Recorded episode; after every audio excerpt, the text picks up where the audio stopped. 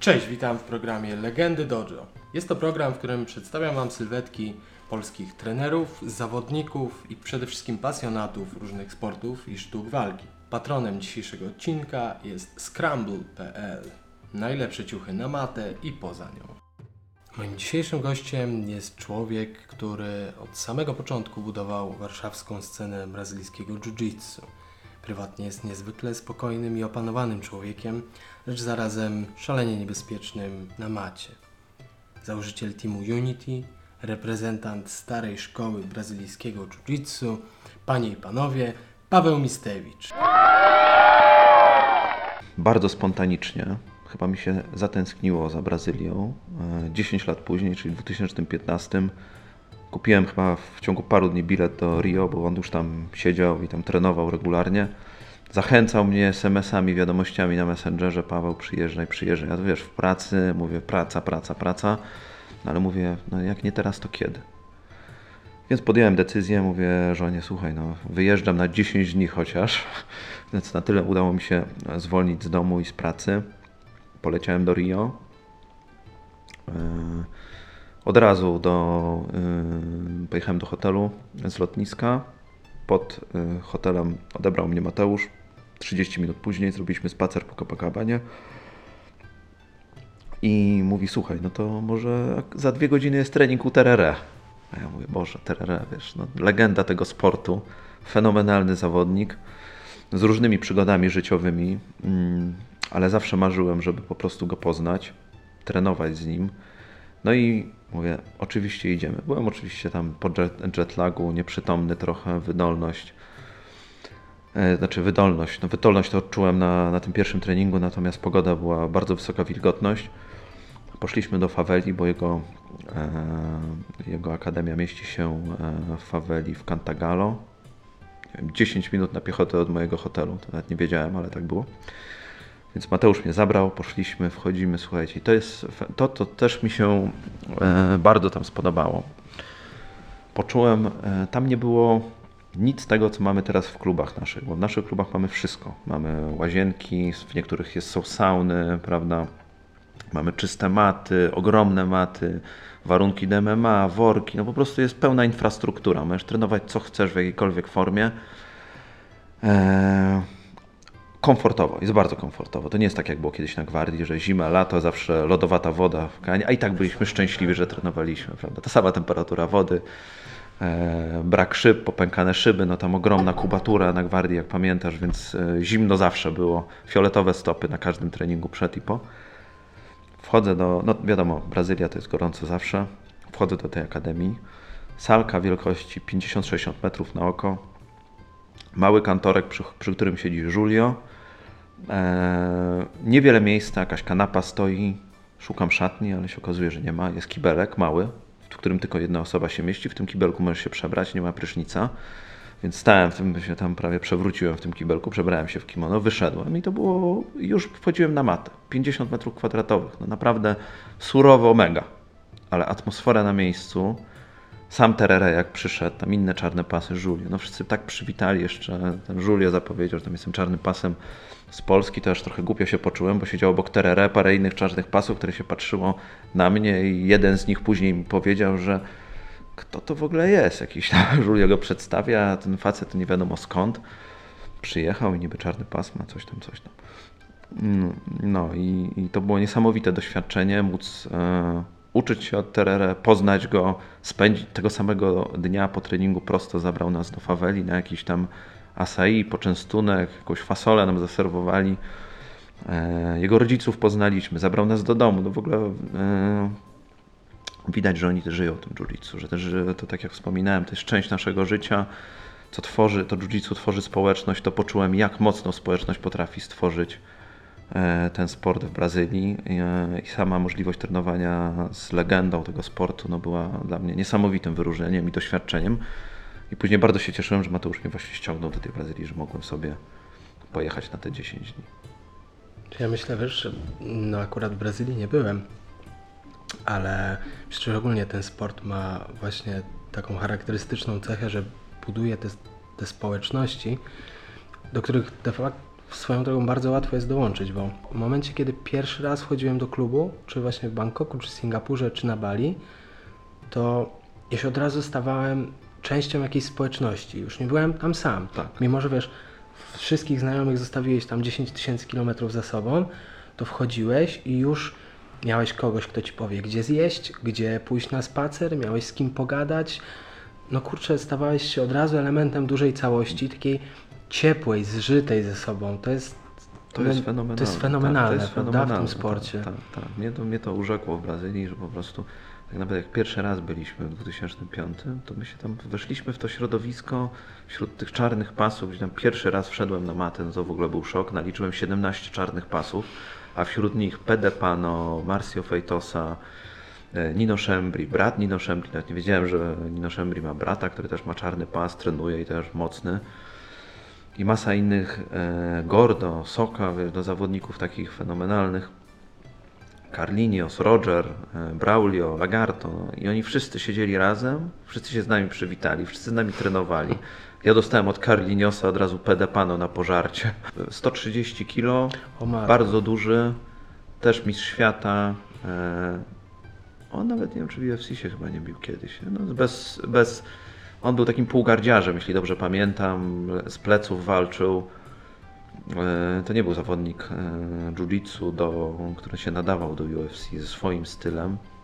Natomiast no, możliwość trenowania z taką siedemnastką czarnych pasów, to w ogóle nam się wszystkim nogi trzęsły. Gdzie w Polsce było dwóch czy trzech pewnie na ten moment. No, a to był 2005 rok, więc wiesz, my tam naprawdę nie mogliśmy spać po tym pierwszym treningu.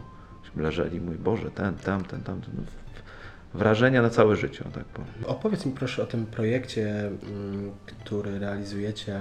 To się nazywa chyba Board for Kids. Board for Kids, Dokładnie. tak, tak. Jak byś mógł, bo to jest coś no, fenomenalnego i bardzo unikatowego, na, jeśli chodzi o polski rynek. Opowiedz proszę. Tak, parę lat temu, e, znaczy jeżdżę na Hel już od dłuższego czasu, bo to jest e, mm, takie fajne miejsce, półwysep. E, mamy z jednej strony zatokę, po drugiej stronie morze. Wszyscy, morze można e, po prostu z buta spędzić wakacje, nie jeżdżąc samochodem. E, no i tam spotkałem Roberta, e, który jest e, wspólnikiem Ani. Oni są właścicielami Board for Kids. I oni prowadzili zajęcia z surfingu. Robert jest instruktorem. Ania zarządza jakby całą, całym Board for Kids i mieli zajęcia z surfingu i skateboardingu dla dzieciaków.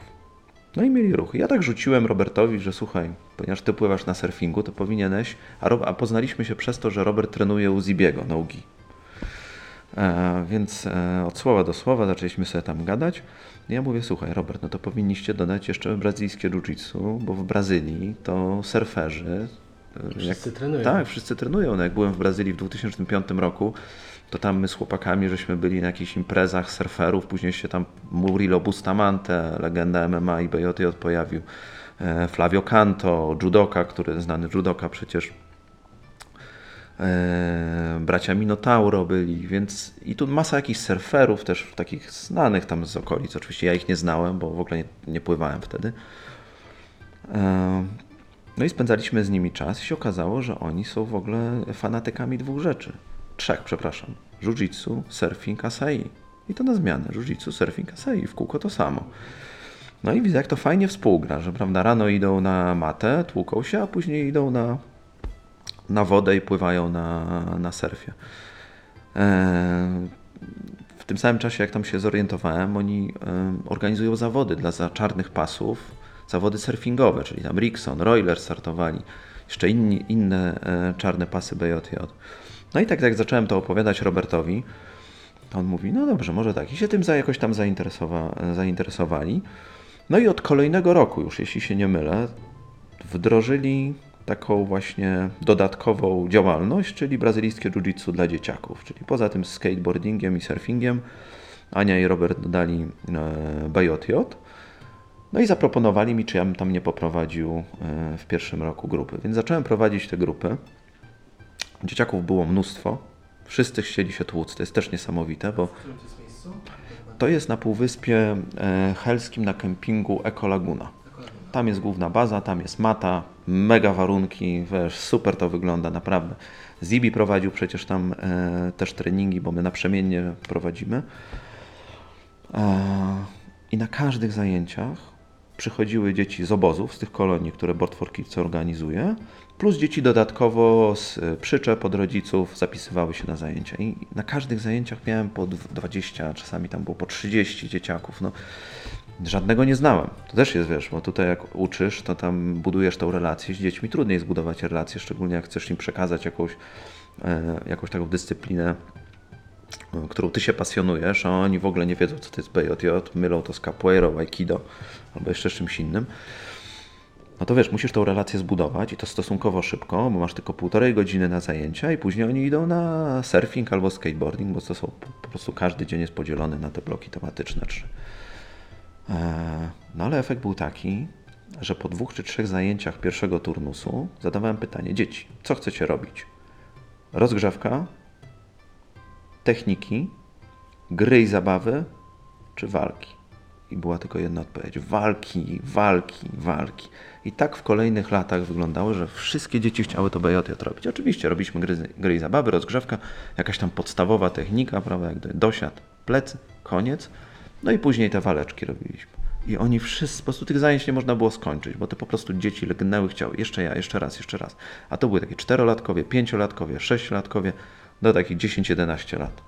Więc taka grupa trudna do uczenia się, szczególnie, że nie znasz tych dzieci. Wiesz, jak idziesz do swojego klubu, gdzie prowadzisz już te grupy od wielu lat, to te dzieci cię znają, one mają do ciebie zaufanie, czują się z tobą, prawda, dobrze, one chcą trenować, wiedzą, co ich czeka. A tam te dzieci nie wiedziały, co. Jakieś kimona musiały zakładać, wiązać się tu w lato, gorąco, wiesz, od razu, tu kołnierz ich dusi, mimo że przecież jedno mi zasnęło na macie nagle, taka czterolatka z palcem, wiesz, buzi usnęła po prostu. No, więc było zabawnie, ale to bardzo zaskoczyło. I później przez kolejne dwa lata żeśmy prowadzili. W zeszłym roku, no, ze względu na, na sytuację e, w kraju, e, Robert i Ania no, nie mieli możliwości, no bo jest sanepid i tak, tak dalej, żeby prowadzić. Mm, Ale w tym roku już wznawiamy to. Będzie mniejsza ilość, bo będą dwa turnusy, jeśli się nie mylę. W lipcu ja będę prowadził, w sierpniu chyba Zibi, jestem pewien. E, No i to bardzo się, bardzo się podoba. Z mojego klubu dzieci już się zapisują na te zajęcia, już wiem, że chcą jechać też na Hel, na ten obóz. Więc e, fajny projekt bardzo, a jeszcze to jest super, że to się łączy ekstra z surfingiem. Nie wiem, czy znasz taki cytat znany Kelly Slatera, no to tam iluśkrotny legenda surfingu w Stanach Zjednoczonych, który powiedział do, takie hasło do rodziców, zanim e, wyślesz swoje dzieci na jakikolwiek sport, to wyślij je na jiu-jitsu. Bo Kelly Slater też trenuje brazylijskie jiu-jitsu, ma tam purpurowy czy brązowy pas. I on właśnie sugeruje, żeby wyślij je na jiu-jitsu. I coś w tym jest, że ten surfing z jiu-jitsu fajnie ze sobą się łączy. Wszystko tam jest zorganizowane w jednym miejscu, że mamy, wiesz, e, deskorolkę w blisko, morze jest, fale są, można się uczyć. Sam się uczyłem, tam Robert mnie szkolił, jak pływać, e, mimo że to jest Bałtyk, no nie są idealne warunki, ale wystarczające takie, żeby podstawy złapać, żeby skoczyć na tą deskę, popłynąć, złapać falę, poczuć jak to jest, jak płyniesz na surfingu e, i zobaczyć jakie to jest ciężkie, tak samo trudne jak brazylijskie jiu-jitsu. No po prostu super, super, super projekt i myślę, że ten projekt będzie ewaluował nie tylko jakby Board for Kids, ale też pewnie inne będą powstawały, bo, yy, no bo takie połączenie tych dyscyplin ma rację bytu. Zastanawiałem się zawsze, o co to chodzi z tym surfingiem jiu-jitsu, nie? Że tak wszyscy to ją polecają. E, Dwa, no tak, dwa lata temu i zrobiłem sobie taki trip Azji Południowo-Wschodniej. Zacząłem od Bangkoku, potem siedziałem w Singapurze i na Bali, w ogóle w Bali MMA. Świetne miejsce, jak kiedyś będziesz, polecam Ci. To, co tam goście zrobili, to jest e, dwóch, trzech Amerykanów założyło tam klub, to Bali MMA, prawda?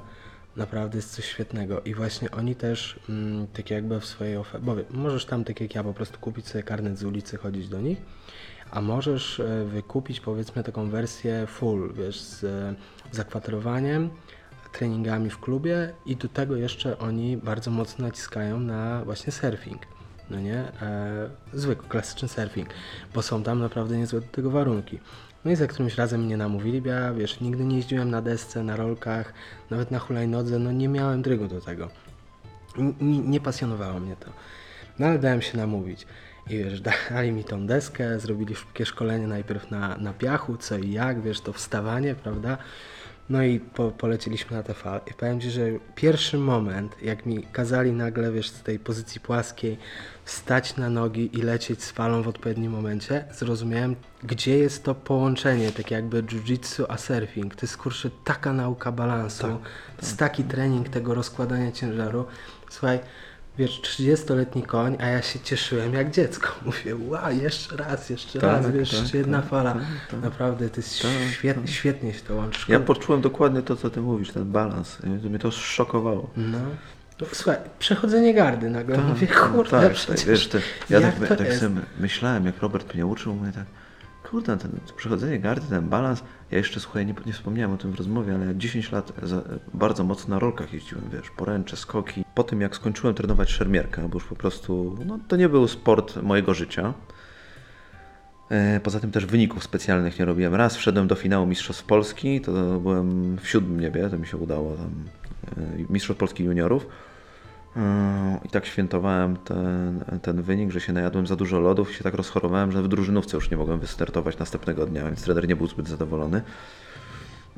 No ale e, tak wyszło. Jak skończyłem e, trenowanie już na, tak, na dobre e, szermierki, zakochałem się w rolkach. Obejrzałem taki film Airborne, amerykański, tak, w którym kaskaderem był Chris Edwards, który po prostu robił fenomenalne rzeczy na poręczach.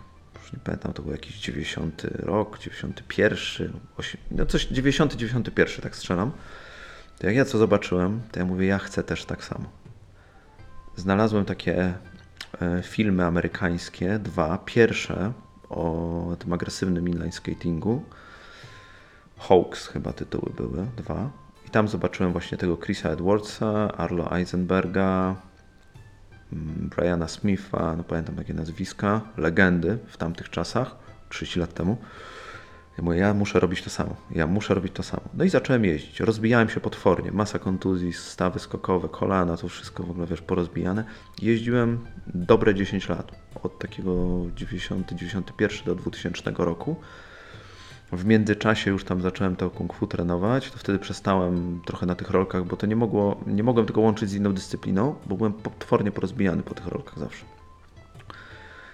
I, yy, i te 10 lat, no dość, dość inwazyjne, inwazyjne zdrowotnie dla mnie było. Na kung fu się wyleczyłem, bo nie sparowałem przez dwa lata. No i później wróciłem do tych inwazyjnych treningów na BJJ. Więc tak, taką miałem. Zawsze jak coś tam trenowałem, od, bo jeszcze w podstawówce to pierwsze dwa lata, to w szkole sportowej na, na konwiktorskiej byłem pływanie trenowałem, ale tam za zachowanie mnie wyrzucili z tej szkoły, tak? Tak nikt nie wierzy, że ja mogli mnie, ale rzeczywiście byłem gagatkiem. Pierwsza, druga, trzecia klasa podstawowa. Dopiero ułożyła mnie szkoła sportowa tam o profilu szermierczym. Trener był bardzo konkretny, tam było wszystko pod sport. Na Cuga na Żoliborzu, tuż przy AWF-ie. Ja tam chodziłem e, od czwartej klasy podstawowej do końca liceum, trenując, e, trenując szable. I to był ten, e, ten czas, który po prostu spowodował, że z, niegrzecznego Pawła zrobił się bardzo grzeczny, bo trener po prostu był bardzo ostry. Tam były, wszystko było w tej szkole ustawione pod sport, nie pod, nie pod naukę, czyli na przykład jak przychodził trener, wchodził na matematykę i mówił e, Mistewicz, e, Nowakowski, Denel Mileski, moi koledzy, na WF w tej chwili. I my po prostu, nauczycielka kiwała głową tak, my żeśmy wstawali i od razu braliśmy sprzęt, który był w szafkach na dole, szable w takich e, radzieckich jamnikach, były radzieckie jeszcze jamniki, takie dług, długie torby na szable, no to zabierali, zabierał nas na trening, lecieliśmy i w trakcie matematyki żeśmy po prostu robili lekcje szermierki. To się wielokrotnie zdarzało. Wyjazdy, zgrupowania, więc nauka była na drugim miejscu w tej szkole, pamiętam, że to zawsze. Sport był numer jeden. No i, i, i tak w tym sporcie utknąłem do dzisiaj. Ale ewidentnie no, brazylijskie jiu-jitsu to jest numer jeden i długo, długo nic. Bije i rolki, i szermierkę, i kung fu na łeb. Zostało gdzieś tyle. Tak. Trenerze, wróciłbym jeszcze na chwilę do tematu tych startów w zawodach. Częściowo powiedziałeś o tym. Natomiast jak widzisz e, właśnie starty w zawodach w kontekście samego rozwoju mojego jiu-jitsu? Okay? Czy to jest bardzo istotne, czy... No jak na to patrzysz? Okay? Starty w zawodach w kontekście rozwoju. Na pewno e, starty w zawodach są ważnym elementem rozwoju jiu-jitsu, dlatego też ja zawsze staram się zachęcać swoich zawodników, żeby startowali. E, Nie ma żadnego, w żaden sposób nie, nie zmuszam nikogo, bo to jest kwestia indywidualna. My jesteśmy amatorami, trenujemy dla siebie, a nie dla innych.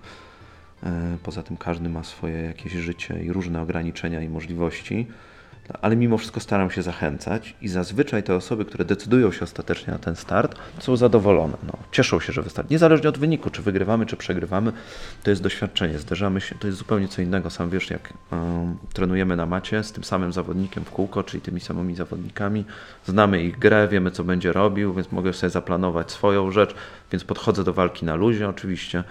Nawet walcząc na 100% e, ze swoim kolegą z maty, ja dokładnie wiem, co on będzie robił, prawda? Albo jestem w stanie przewidzieć, no dobra, albo zrobi to, albo zrobi tamto. Na zawodach nie wiemy nic. Po prostu wychodzimy, walczymy z kimś, kogo nie znamy. Widzimy, że ta osoba chce wygrać, więc ja muszę dać siebie 101%, żeby również wygrać z tą osobą. No i wtedy dochodzi ten element stresu, z którym nie wszyscy sobie radzą. Nie wszyscy sobie radzą z tym stresem, ale ten stres jest motywujący, więc dla niektórych może być to motywator do tego, żeby po prostu jeszcze raz, jeszcze raz próbować, próbować, próbować aż do skutku. Mm, a niektórych może po prostu wyłączyć całkowicie. No i znane są przypadki nie tylko w brazylijskim jiu-jitsu, gdzie e, mega utalentowani goście, którzy mają mega głowę i na sparingach robią po prostu niesamowite rzeczy, wychodzą na matę, na zawodach i nagle jest coś jest, co powoduje w głowie, co powoduje, że no nie, nie wal, nie czuje tempa, nie łapie tempa, spóźnia się, e, musi się bronić i później już nie jest w stanie odzyskać swojej, swojej pozycji i doprowadzić do, do tej sytuacji, w której może narzucić swoją grę, przejąć kontrolę, inicjatywę i tempo. E, Natomiast wracając do Twojego pytania, tak, oczywiście, one są bardzo ważne. Jeżeli można, tak jak mówiłem, no, ja zachęcam, żeby startowali. Warto startować, póki, póki, szczególnie jak jest zdrowie, jak jest czas, żeby się do tych zawodów przygotować, bo to też tak jak są zawody, gdzie, gdzie mamy Mistrzostwa Polski 1500-1600 osób, to, to przygotowanie no, powinno być oczywiście. Mm, Więc staram się zachęcać, dlatego też e, jak jest tylko możliwość, to tam pojawiają się zawody, to tam rozmawiam z zawodnikami, tymi, em, którzy regularnie startują oraz tymi, którzy, mm, którzy startują, e, którzy nie startowali wcześniej albo po prostu chcieliby, ale się boją. Mm, No bo to jest doświadczenie i każdy później wie, o kurczę, dobrze, że wystartowałem, no fajne doświadczenie, przegrałem, wygrałem, nie ma znaczenia, ale mam to doświadczenie, chcę jeszcze raz. I później zawsze jest chcę jeszcze raz. No i za każdym razem ta grupka startujących jest, e, jest większa. Mm, No poza tym no, zderzamy się z czymś, z czym się nie zderzymy na macie. No to więc to też jest dla naszej głowy, dlatego żeby e, ogarnąć te emocje, podejść z tą zimną głową do tej walki i robić swój plan, który mamy na walkę, bo zawsze każdy ma jakiś plan, prawda? Mamy lepsze pozycje gorsze, ale wolimy być z góry, wolimy być z dołu. Każdy preferuje jakąś pozycję. No, wystarczy spojrzeć na Adama Wardzińskiego, który, e, który, ma, który ma swój plan na walkę. W każdej walce wiemy, co będzie Adam robił, on zawsze to robi, prawda? Więc, yy, więc to jest to doświadczenie, które zdobywamy. No więc tak, jak najbardziej starty są konieczne. Pracujesz e, w klubie łączonym, prawda, z e, Mirkiem Oknińskim. Zajmujesz się głównie jiu-jitsu, tam jest e, no, sekcja MMA. Natomiast też pracujesz e, z niektórymi zawodnikami MMA, prawda? Tak jak sam wspomniałeś, na przykład Marian Ziółkowski. E, I powiedz mi, czy z Twojej perspektywy, z perspektywy trenera, inaczej nauczasz jiu-jitsu osoby, które zajmują się stricte jiu-jitsu, od tych, które to jiu-jitsu chcą wykorzystywać w MMA? Czy nie ma dla Ciebie różnicy? Wiesz, ja, ja nie jestem trenerem MMA na pewno i nie mam wystarczającej wiedzy, żeby, żeby prowadzić zawodnika MMA. Mogę tylko w obszarze prawda, parteru, pod kątem tego, co wiemy, działa w klatce, a co nie działa, no bo masa rzeczy z jiu-jitsu nie działa, czyli walka z pleców i berimbolo i inne takie rzeczy nie działają. E, albo mają niską skuteczność, statystycznie patrząc. Mm, Natomiast no, są rzeczy, które działają. No, oglądamy walki, widzimy jak Damian Maja, który bardzo dobrze dostosował obalenia za jedną nogę i później przechodzenie gardy, ciasną pracę z góry, tak samo Jacare, on no, zawsze klinczował, obalał, atakował z góry, wygrywał tymi poddaniami. To samo robił Rudolfo Viera, który też obalał, prawda, klinczował do ostatniej walki, w której no to jest za bardzo chciał, za bardzo, no to jest też błąd, to jest ten problem, z którym się zawodnicy jiu-jitsu zderzają w MMA, że jeżeli chcemy zastosować jiu-jitsu w 100% i damy wszystko na pierwszą rundę, to możemy już do drugiej nie wyjść. I tak jak z Rudolfo Vierą, purpurowy chyba pas, jeśli dobrze pamiętam, w ogóle nieznany, odklepał Wierę, który już był nieprzytomny, prawda, dyszał. Gilotyna zdaje się była. prawda? Tak, już coś takiego, tak, tak. No więc, e, więc jakby jak jeszcze trenowałem, pamiętam e, z Krzyśkiem Jotką u Mirka wiele lat temu na WF-ie, no to dużo z Krzyśkiem sparowałem właśnie pod kątem tych jego walk w UFC, czy, czy jeszcze na innych galach. I to Mirek wtedy ustalał strategię, co robimy, więc ja po prostu robiłem to, co on mówił, że tam Krzysiek miał na przykład leżeć na plecach, a ja miałem mu przechodzić gardę i on miał wstawać cały czas albo miał mi przechodzić gardę, żeby zająć pozycję. No jakieś tam były e, zadania, które realizowaliśmy.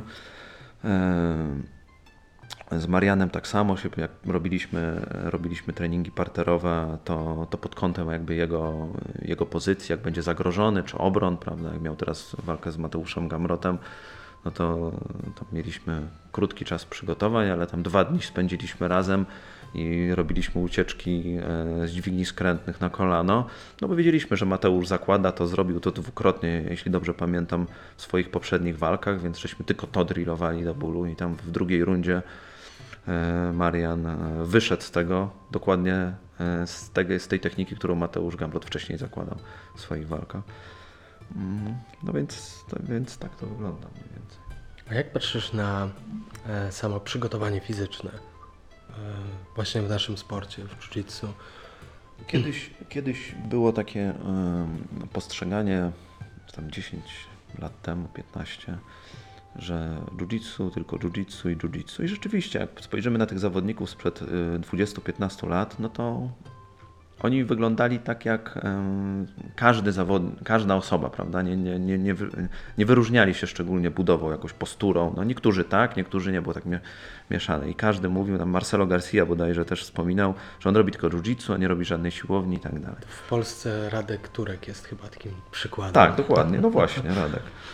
Mm, Natomiast, natomiast w obecnych czasach ten sport tak mocno się rozwijał i skomercjalizował, że patrząc na przykład przez ostatnie ADCC, no to ci zawodnicy to są kulturyści. Wszyscy dźwigają na tych Instagramach, można popatrzeć, ciężary podnoszą, wzmacniają e, plecy, ręce, nogi, no, pracują nad tym, żeby, mm, żeby ich ciało było po prostu solidniejsze, co jest mega ważne, no bo jednak nasz sport jest urazowy. To jest jakby pierwsza rzecz, na którą trzeba zwrócić uwagę, więc żeby zminimalizować ryzyko kontuzji, to trzeba mieć te mięśnie, które nam trzymają te wszystkie stawy, prawda? Więc trzeba wzmacniać nogi, wzmacniać plecy, odcinek lędźwiowy, ręce, barki. E, Kręgosłup jest bardzo narażony w jiu-jitsu. Wielu zawodników, których, których znamy wspólnie, naszych przyjaciół z maty z różnych klubów ma różne problemy z kręgosłupami. Przepukliny, e, bolące lędźwie, no cały czas coś się dzieje.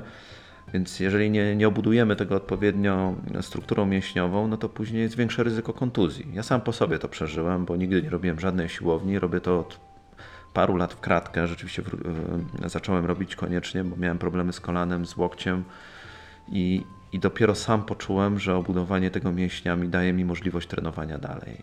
I nie da się teraz, szczególnie szczególnie już na takim zawodowym poziomie, robić samego jiu-jitsu bez przygotowania fizycznego, bez odpowiedniego podejścia do siły wytrzymałościowej.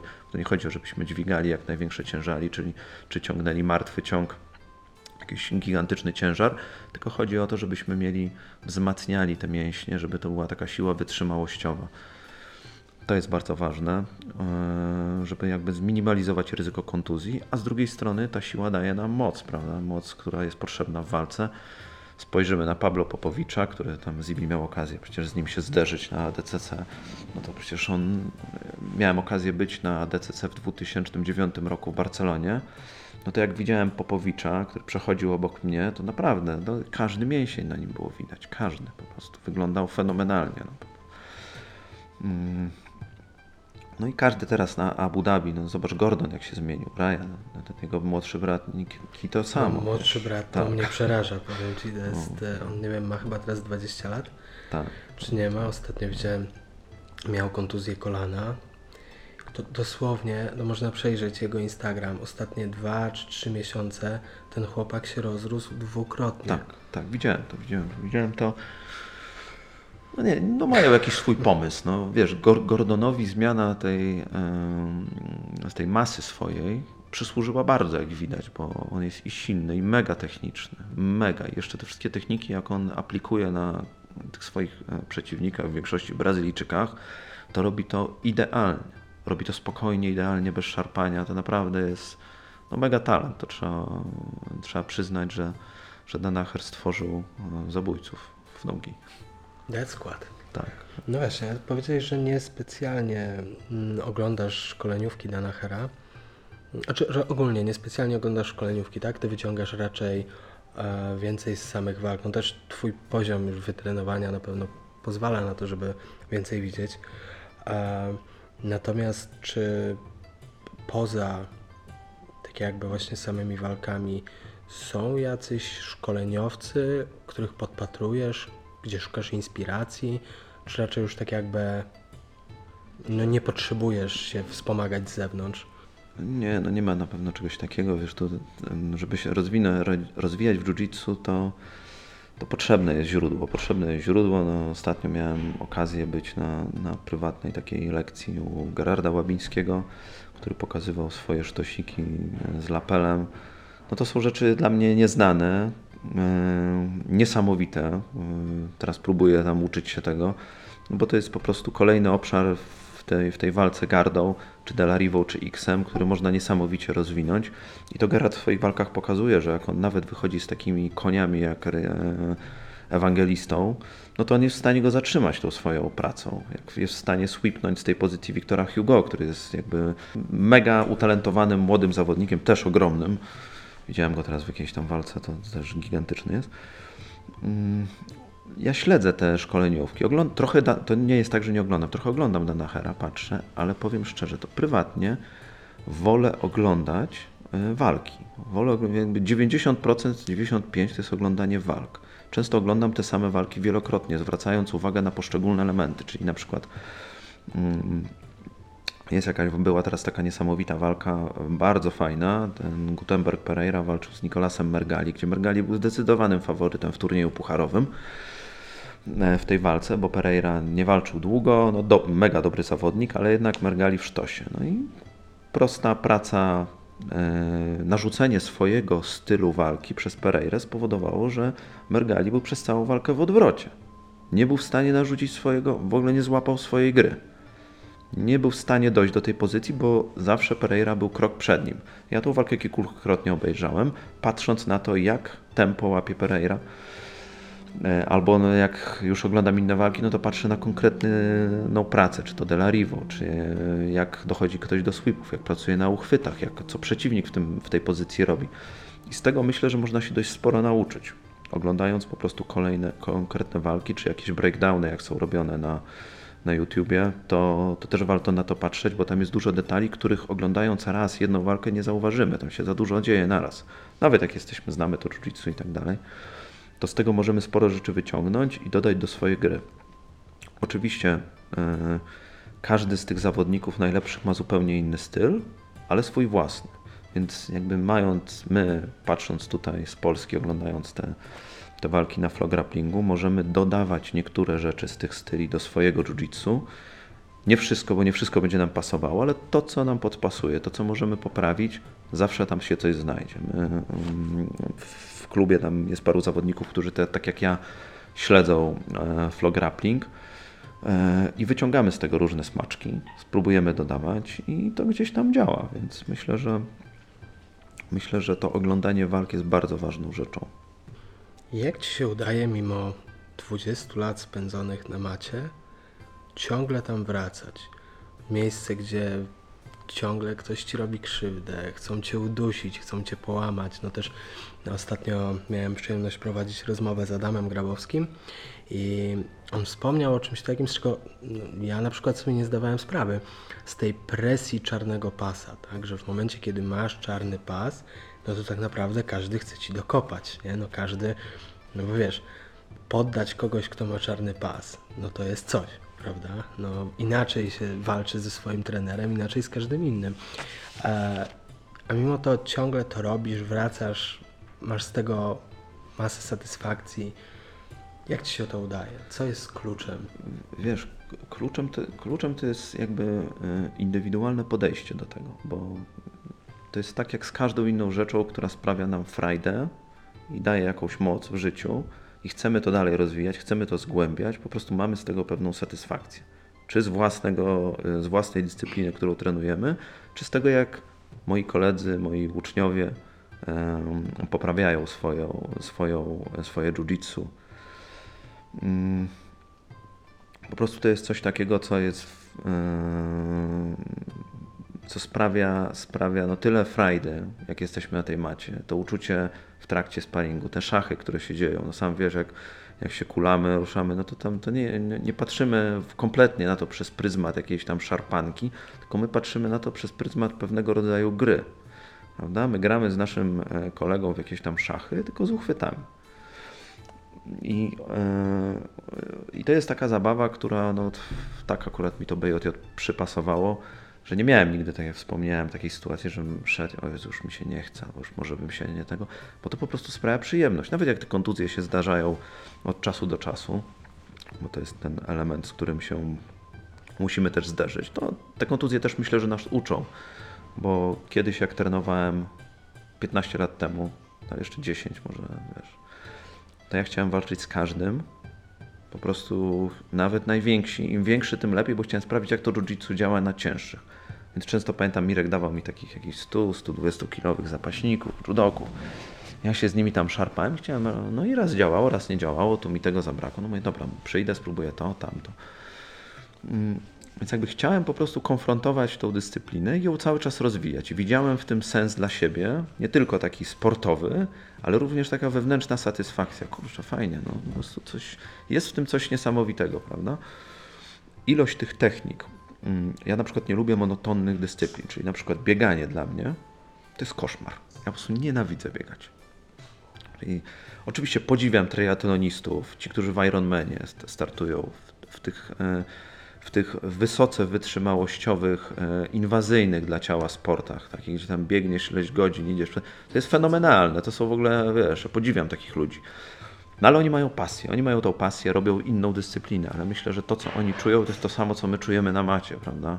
Oni przez inny pryzmat. Ja tak samo, słuchaj, w, e, w kontrze do jiu-jitsu uwielbiam łowić ryby. Tak, uwielbiam siedzieć w tej łódce, nawet jak nic nie złowię. To mogę siedzieć cały dzień. Dla samego obcowania z naturą. To jest po prostu totalny relaks dla głowy. Jak sobie siedzisz, no złowisz, super. Nie złowisz, też super. Wiesz, uczy cierpliwości. To tak jak jiu-jitsu. No, chcesz się nauczyć jiu-jitsu, chcesz mieć, niektórzy chcą mieć wyższe pasy jak najszybciej, musisz się nauczyć cierpliwości. Ten sport nas uczy wielu innych rzeczy też. Szacunku do drugiego człowieka. Tu jest, to jest też coś takiego fajnego. Zauważyłem, że ten bliski kontakt w tym sporcie to jest coś, to, co zmienia naszą relację z innymi osobami, z którymi to uprawiamy. Inaczej ze sobą się komunikujemy, inaczej ze sobą spędzamy czas, inaczej rozmawiamy, jesteśmy bardziej do siebie otwarci po mocnej kulance na macie, gdzie wiesz, wymieniamy się potem krwią wszystkim, co się da. Jesteśmy skotłowani i później inaczej nam się jakoś wiesz, funkcjonuje w rzeczywistości. No daje jakoś to taką moc, ciężko to nazwać słowami. Mm, ale ten sport coś takiego ma w sobie. Ciekawego. I mi się to bardzo podoba, że, że, y, że znalazłem swoją taką dyscyplinę. Szermierka tego nie miała. Szermierka mi nie dawała tej satysfakcji. No, więc BJJ jest. A poza tym no jest to też fajne, że to jest sport dla wszystkich. No, przychodzą dzieci, mam sekcję kobiet, też dziewczyny trenują, nawet takie osoby. Moja żona nie trenowała jiu-jitsu przez wiele lat, znamy się. Wczoraj mieliśmy 13-lecie po ślubie. I ona wie, że ja to trenuję, że lubię, że ten, ale nigdy w ogóle nie była zainteresowana, zero sportu. Ale jak zaczęła trenować, no to motywatorem był ten klub, który powstał, prawda, 3 lata temu. Przyszła na tą matę, raz, dwa, trzy, no i gdzieś tam w końcu zaskoczyło, spodobało się, zaczęła trenować, rusza się, Dalej jest białym pasem, jeszcze trochę będzie. Więc wiesz, więc, em, więc wiesz, no to, to jest sport, który gdzieś tam łączy ludzi. I też fajnie, bo to nawet e, ojciec Mateusza, tego mojego czarnego pasa, o którym wspomniałem, przyszedł do mnie 3 lata temu. On ma chyba 58 lat, teraz 9, jeśli się nie mylę. E, nie trenował chyba żadnego sportu zawodowo, nawet amatorsko, tak intensywnie, jak my trenujemy, prawda? E, przychodzi trzy razy w tygodniu. Cały czas jest uśmiechnięty. Przed treningiem, po to. I cały czas przychodzi. To zrobiłem, tamto zrobiłem. Bardzo mi się podoba. Widzę, że chce robić, wiesz. Chce robić. No coś, coś w tym sporcie jest takiego, co przyciąga niezależnie od wieku, płci, ludzi, łączy. Ten, gdzie możemy się wyżyć, wyrzucić z siebie te emocje bieżące, po prostu spędzić czas z uśmiechem na twarzy. To jest ważny atut sportu, tego sportu, yy, o którym może mało się mówi trochę. Że on daje też ludziom pewną satysfakcję. Ujście jest wentylem pewnym od, od yy, bieżączki życiowej, mniejszych, większych problemów. Poza tym też wielokrotnie poza matą wspieramy się w różnych sytuacjach. Mamy ze sobą kontakt, wymieniamy się wiadomościami, dzielimy się tym, co się dzieje w naszym życiu, niekoniecznie związanego z jiu-jitsu, a później wracamy na maty i się dalej tłuczą. No i to daje jiu-jitsu. Wyżyć się, poprawić swoją kondycję, nauczyć się samoobrony, poznać fajnych ludzi, spędzić czas i, i poznać coś, co naprawdę mocno wciąga, to, to warto pójść na parę treningów BJJ i poczuć, z czym to się je i na czym to polega. E, No więc serdecznie zapraszam. Widzimy się na macie.